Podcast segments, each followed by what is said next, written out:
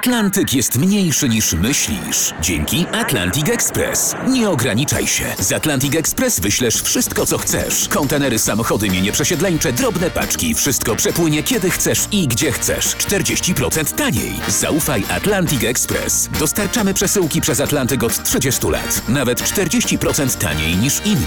Dzwoń 1 800 775 73 63. Ekspresowo przez Atlantyk. Tylko z Atlantic Express. Dorwać bestie w RMFFM. Imię i nazwisko Tadeusz Ołdak. Pseudonim Wampir z Warszawy. Miejsce i czas działalności Warszawa, wiosna 1950 roku. Skazany na karę śmierci. Wyrok wykonano 10 kwietnia 1951 roku. Jest ciepły wiosenny poranek 7 kwietnia 1950 roku. Na warszawskiej Pradze, w okolicach torów kolejowych przy ulicy Podskarbińskiej, idący do pracy mężczyzna dokonuje makabrycznego odkrycia. Pod ogrodzeniem leżą zwłoki kobiety. Dolna część ciała jest obnażona, ubranie całe w strzępach, a twarz kompletnie zmasakrowana. Przybyli na miejsce milicjanci od razu zauważają, że kobieta została uduszona i najprawdopodobniej zgwałcona. Niedaleko miejsca odnalezienia zwłok leży jedno z narzędzi zbrodni. To jest wojskowy pas. Niemiecki. Patrz, ktoś chciał spiłować z klamry napis Gott mit uns. Śledztwo wykazuje, że pas najpewniej należał do sprawcy i że to właśnie nim została uduszona kobieta. Trudno ustalić jej tożsamość, ponieważ z obitej kamieniem twarzy została tylko miazga, a ofiara nie posiada przy sobie dokumentów. Okazuje się także, iż kobieta musiała zostać zamordowana i zgwałcona w innym miejscu, a następnie zabójca przeciągnął jej ciało pod ogrodzenie przy Podskarbińskiej. W identyfikacji ofiary pomagają okoliczni mieszkańcy, którzy gromadzą się wokół miejsca zbrodni. O Jezus Maria! Przecież to Waleria! Zamordowaną kobietą jest Waleria Eł, 40-letnia wdowa wychowująca samotnie dwójkę dzieci. Niestety psy milicyjne nie podejmują tropu. Prócz pasa wojskowego nie zostają też wykryte żadne inne ślady sprawcy. Co ciekawe, później okaże się, że wśród tłumu gapiów jest także morderca. Na razie jednak nic o nim nie wiadomo, a śledztwo utyka w martwym punkcie. Dokładnie miesiąc później, o poranku 7 maja 1950 roku, do 17 Komisariatu Milicji Obywatelskiej wchodzi, ledwo trzymając się na nogach, 24-letnia Irena L. Oszołomiona kobieta ma na sobie podarte ubranie. Jak zeznaje, poprzedniego dnia wracała z kina, gdy na ulicy Rzymirskiego zaczepił ją około 25-letni mężczyzna ubrany w wojskowy mundur. Następnie zaciągnął ją na pobliskie pole i zgwałcił. Po wszystkim zebrało mu się na zwierzenia. No już, nie becz. Zygmunt jestem, a ty? Powiedz coś o sobie. Gdzie mieszkasz? Tam, w tamtym budynku. A, wiem, tam jest dom Kaskarz Maciaka. Później, po aresztowaniu, sprawca zezna, że był pewien, że jeszcze tej nocy Irena L. umrze, dlatego zdradził jej trochę szczegółów ze swojego życia. Opowiada jej zatem o swojej pracy, o ojcu, który stracił nogę, o tym, że mieszka w pobliskich barakach. Dziewczyna, choć jest w szoku, notuje w pamięci, że mężczyzna jest ubrany po wojskowemu i że brak mu dwóch palców u lewej dłoni. Po pewnym czasie, gdy sprawca ma już dość zwierzeń, każe Irenie iść ze sobą nad jezioro Gocławskie. Tam ponownie ją gwałci, a następnie wyciąga sznurek i zaczyna dusić kobietę. Kurde, silna jesteś. Zły, że Irena stawia zaciekły opór, szuka kamienia, którym mógłby roztrzaskać głowę ofiary. Dziewczyna wykorzystuje moment rozkojarzenia gwałciciela i wskakuje do jeziora. Przez kilka godzin ukrywa się w sitowiu, podczas gdy wściekły napastnik krąży wokół bezcelowo. Wyłaś! I tak cię znajdę, głupia krowo. Jednak nie znajduje Ireny. Wściekły krzyczy i kopie piasek na brzegu jeziora. Po kilku godzinach odpuszcza. Wycieńczona kobieta udaje się do komisariatu milicji obywatelskiej. Niedługo potem zgłaszają się tam dwie inne kobiety, które szukają syna jednej z nich. Dwudziestoletni Wiesław M. prawdopodobnie uciekł z domu. A takiego wojskowego obywatelki nie zauważyły? A pewnie, że tak. Nawet go zagadałyśmy o Wieśka. Powiedział, że widział go koło jeziora. No to poszłyśmy, ale nikogo tam nie było. Za to znalazłyśmy w polu płaszcz i pantofle. Zeznania kobiet nie budziłyby żadnych podejrzeń, gdyby nie pewien fakt. Otóż poszukiwany przez nie Wiesław M., podobnie jak sprawca gwałtu, nie posiada dwóch palców u lewej ręki. Dziwne jest także, że niby przypadkiem kobiety mają ze sobą garderobę Ireny L. Milicja wszczyna poszukiwania i po krótkim czasie znajduje dwudziestolatka w stercie siana w pobliżu jeziora. Ale na okazaniu Irena L. zaprzecza, by to on mógł być sprawcą gwałtu. Miała dużo czasu, by przyjrzeć się napastnikowi i uważa, że na pewno nie jest nim Wiesław M. To zdecydowanie nie on. No i ten zwyrodnialec był starszy. Wstępna wersja, założona przez śledczych, zaczyna się sypać.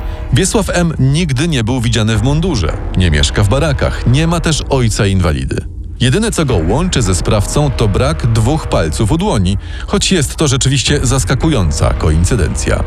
Wiesław M. zostaje zwolniony z aresztu. Śledztwo wykazuje natomiast, że w pobliskich barakach rzeczywiście mieszka niejaki Kazek Szmaciak. Milicjanci postanawiają porozmawiać z mężczyzną. Mm, Zygmunt powiadacie, bez palcy taki jeden? Nie znam takiego. Co wy tam ludzie, dajcie spokój. Trop się urywa. Tymczasem po stolicy roznosi się wieść, że w mieście grasuje seryjny morderca. Ulica nazywa go wampirem z Warszawy. Ówczesna prasa milczy na jego temat, by nie wzbudzać paniki i nie komplikować i tak niełatwego śledztwa.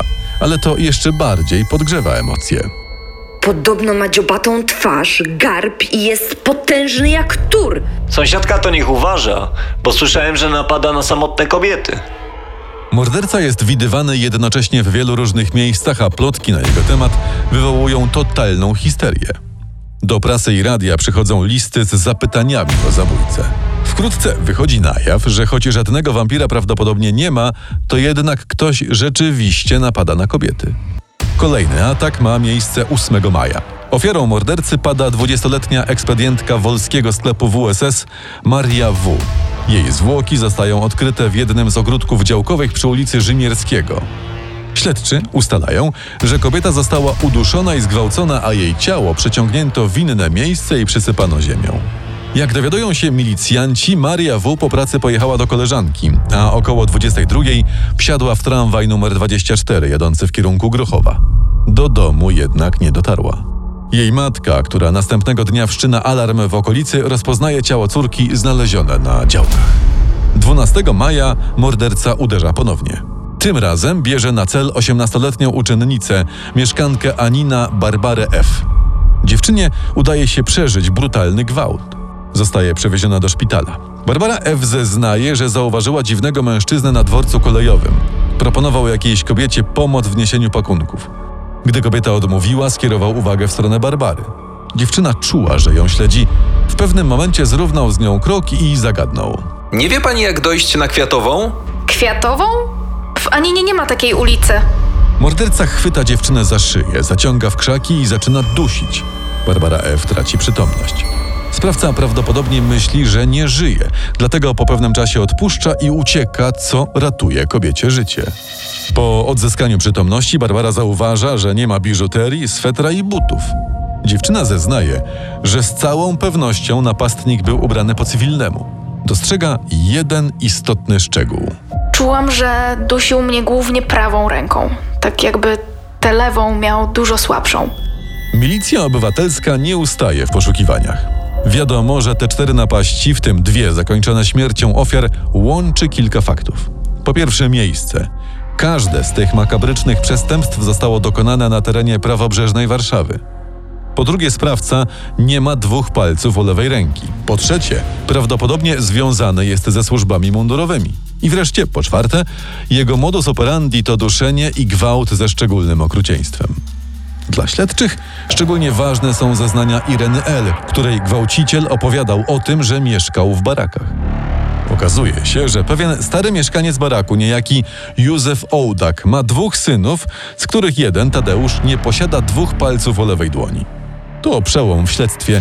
Milicja wzywa na przesłuchanie Tadeusza i jego brata Jerzego. Ale ten pierwszy ucieka po otrzymaniu wezwania i ukrywa się przez 28 dni. Milicja jest już pewna, że Tadeusz Ołdak to poszukiwany morderca i gwałciciel. Ostatecznie 10 czerwca udaje się go zatrzymać w Tchórznicy, w domu kuzyna Jana B. To jakieś nieporozumienie. Nic nie zrobiłem. Janek, powiedz im. Ołdak początkowo wszystkiemu zaprzecza, ale ostatecznie przyznaje się do winy. 25-latek posiada żonę i dziecko. Aby zrozumieć jego mordercze skłonności, należy, jak to często w takich przypadkach, cofnąć się do dzieciństwa. Tadeusz Ołdak urodził się 22 lipca w 1925 roku w rodzinie rolnika i murarza Józefa. Od małego obserwuje, jak ojciec maltretuje i wykorzystuje seksualnie matkę. Po aresztowaniu podczas jednego z przesłuchań zezna. A co ojciec zarobił, to przepił. Były awantury. Mieszkaliśmy w jednej izbie, więc widziałem, jak bił i gwałcił matkę. Mały Tadeusz bardzo kiepsko się uczy. Pierwszą klasę podstawówki powtarza trzy razy, drugą i trzecią po dwa.